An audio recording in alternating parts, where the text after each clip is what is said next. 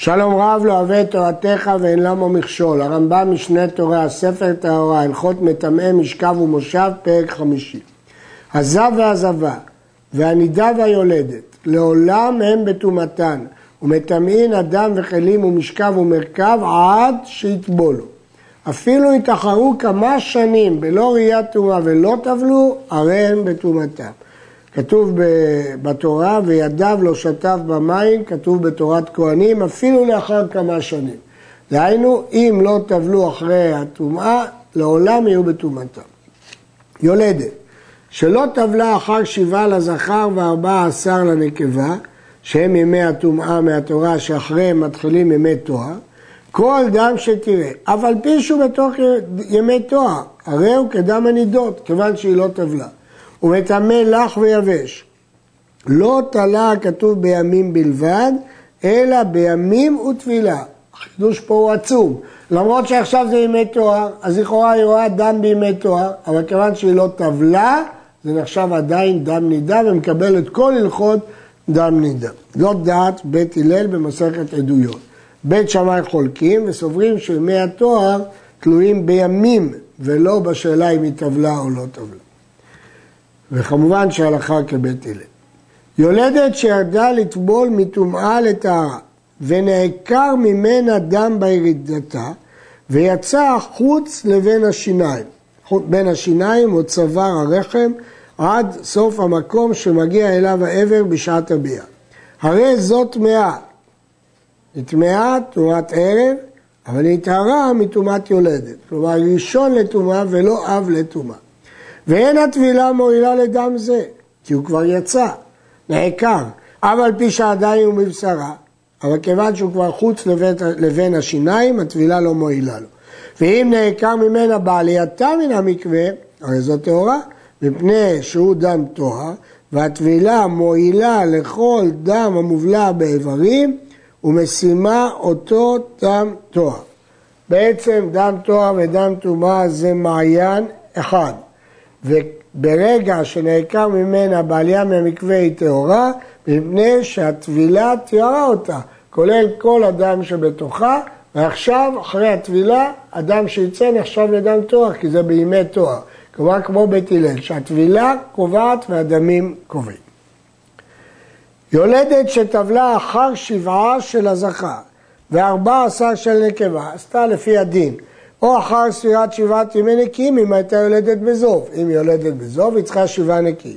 הרי בכל ימי תואר שלה, כטמא שטבל, ועדיין לא יריב שמשו. מה דינה בימי התואר? דינה כמו טבול יום, שטבל ועוד לא יריב שמשו. והרי טבולת יום בכל אותם הימים. הגמרא קוראת לזה טבולת יום ארוך. ואינה צריכה טבילה אחרת בסוף ימי תואר. אלא במשלם הימים זה כאילו השקיעה. הרי כתבו ליום שהריב שמשו. הגמרא לומדת את זאת מהפסוק, עד מלות ימי טהרה. במה דברים אמורים שכתבו ליום? לעניין תרומה ומעשר. אבל לקודשים, הרי כראשון לטומאה שעדיין לא טבל, אלא כמי שנגע בנידה ובתממת וכיוצא בהם. אני מזכיר, מדובר ביולדת שטבלה אחרי ימי הטומאה, ועכשיו היא נמצאת בימי טהרה, היא כאילו לא יריב שמשה. זה לעניין תרומה ומעשר נתנו לה דין של טבוליו. אבל לעניין קודשים נתנו לה דין של ראשון לטומאה, שכאילו הוא לא טבל. נמצאת הלמד, מה המסקנות של הדברים האלה? שהיולדת בתוך ימי תואר, שטבלה אחרי ימי טומאה, אוכלת במעשר כמו כל טבול יום, ופוסלת את התרומה כטבול יום כמו שהתבהר. ואם נפל מרוקע ומדן טהרתה על כיכר של תרומה, הרי הוא בטהרתו, כי זה משקה של טבול יום, וההלכה היא שמשקה טבול יום טהור כמו שהתבהר בהלכות טבול יום. ומטמאה את הקודשים כבלת התרומות, כי אמרנו שלגבי קודשים היא כאילו לא טבלה, אלא כמי שנגעה בנידה, עד שתשלים ימי תואר ותהיה טהורה לכל, ויראה לי. הרייבד מתקשה, מה פירוש טהורה לכל? איך היא טהורה לקודש? הרי לא הביאה את קורבנותיה, אז היא מחוסרת כיפורים שאסורה בקודש. כמובן שהרמב"ם מתכוון לכל, לא הכוונה לאכילת קורבנות. ויראה לי שמאחר שהיא מטמאה את הקודש בימי התואר, שהיא צריכה טבילה בסוף ואחר כך תיגע בקודש, אף על פי שאינה צריכה טבילה אחרת לאכילת התורה. למרות שלעניין מעשר ותרומה אמרנו שדנים אותה כטבול יום ארוך, כלומר שהיא כבר טבלה ורק מחכה להשלמת הימים, כמו שהטבול יום מחכה לערב שמש, אבל לעניין קודש לא כך, היא צריכה טבילה כדי להתיר לה לגוע בקודש. זה חידוש של הרמב"ם. לטבילה השנייה, כי עובדה שהטבילה הראשונה לא הועילה לה לגוע בקודש, אז לכן צריכה טבילה אה, שנייה. הלכה ה' יולדת שהיא מצורעת וטבלה אחר שבעה של הזכר או ארבעה עשר של נקבה.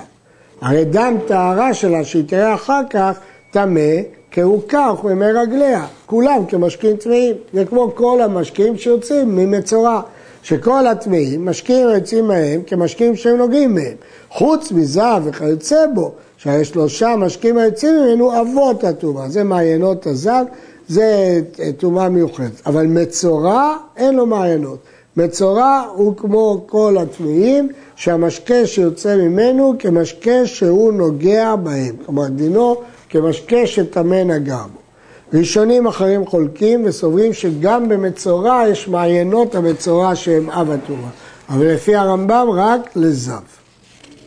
זבה קטנה, כלומר שראתה יום או יומיים, שטבלה ביום השימור שלה, יום שהיא שומרת, כלומר יום של מחרת היום שראתה דם, שהיא צריכה לוודא בו שפסק הדם. אחר הנצח אמרה, כמו שביארנו בעניין איסור נידה, שזבה קטנה יכולה לטבול ביום. הרי מגעה ובעילתה של משך היום תלויים, הם ספקות. אם נגמר היום ולא רעת, כל שנגע בו טהור, ובו עלה טהור הוא פטור. ואם רעת גם אחר שטבלה במשך היום, היא טבלה אחרי הנץ החמה, אחרי הצהריים היא ראתה דם, כל טהרות שעשה טמאות, התברר למפרע שהיא טמאה, ועושה משכב ומרכב, ובועלה חייב חטאת. טבלה בליל השימור קודם שעלי עמודי שחר, איזה כמי שלא טבלה ועדיין עושה משכב ומרכב. כנראה שהזמן בין עלות השחר להנץ החמה זה זמן שלכתחילה לא תטבול ובדיעבד היא טהורה. הרואה דם ביום 11, אחרי 11 ימי זיוות, ישנם שבעה ימי נידות, שאם היא רואה בהם דם הם לא מצטרפים לזיווה. וטבלה לערב, ליל 12, הרי זו מטמאה משכב ומושב. אף על פי שאינה ראויה להיות זבה גדולה, כי הראייה שהיא תראה בימי נידות לא מצטרפת לראייה שהיא ראתה בימי זיוות, כמו שביארנו בעניין איסור נידה. טבלה ביום 12 אחר הנצח חמה. אף על פי שאסורה לשמש עד לערב, כי זבה קטנה אסורה בתשמיש המיטה, אם שימשה בועלת האור, ומשכבה ומרכבה טהורים, אף על פי אדם ביום 12 אחר הטבילה, מפני שהוא תחילת נידה, אז אי אפשר לצרף את הדם הזה לדם הקודם, להפוך אותה לזבה, ואינו מצטרף ליום 11, אז היא לא זבה. כיוון שהיא לא זבה, לפיכך אינה צריכה לשמור יום 12, אלא טובלת ועוסקת בטהרות. אבל הרואה דם בעשירי, טובלת ביום 11 ומשמרת אותו. שאם תהיה בו דם אחר טבילה, נטמעו כל טהרות שעשת ונטמע בעולה, כי היום האחד עשר כן מצטרף. אף על פי שאינה ראיות ליד זבה גדולה, כי היום השנים עשר לא יצטרף, כמו שביארנו שם בנידה. אז היא לא תהיה זבה גדולה, אבל שמא תראה באותו יום. זב וזבה גדולה, כלומר שראתה שלושה ימים, שטבלו ביום שביעי שלהם כמו שביארנו, זה ההלכה שהם טובלים ביום, לא יתעסקו בטהרות עד לערב, שהם העירו טומאה, ויסתרו שבעת ימי ספירה, ונמצאו אותם הטהרות ואות למפרע. ואף על פי שהם עושים משכב ומרכב למפרע, אם הם יראו טומאה, אין מטמאים כלי חרס בסט מאחר שטבלו, זה דין מיוחד. אף על פי שחזרו וראו טומאה וסתרו הכל, כל כלי חרס שהסיתו עד שלא ראו, טהור. ההלכה המיוחדת הזאת נלמדת מהפסוק וכיבס בגדיו וטהר. הסיקה מזה הגמרא שיש משמעות לטבילת הזב גם אם יראה לאחר מכן. המשמעות היא לגבי סט כלי חרס, שזה דין מיוחד שהוא טהור. עד כאן.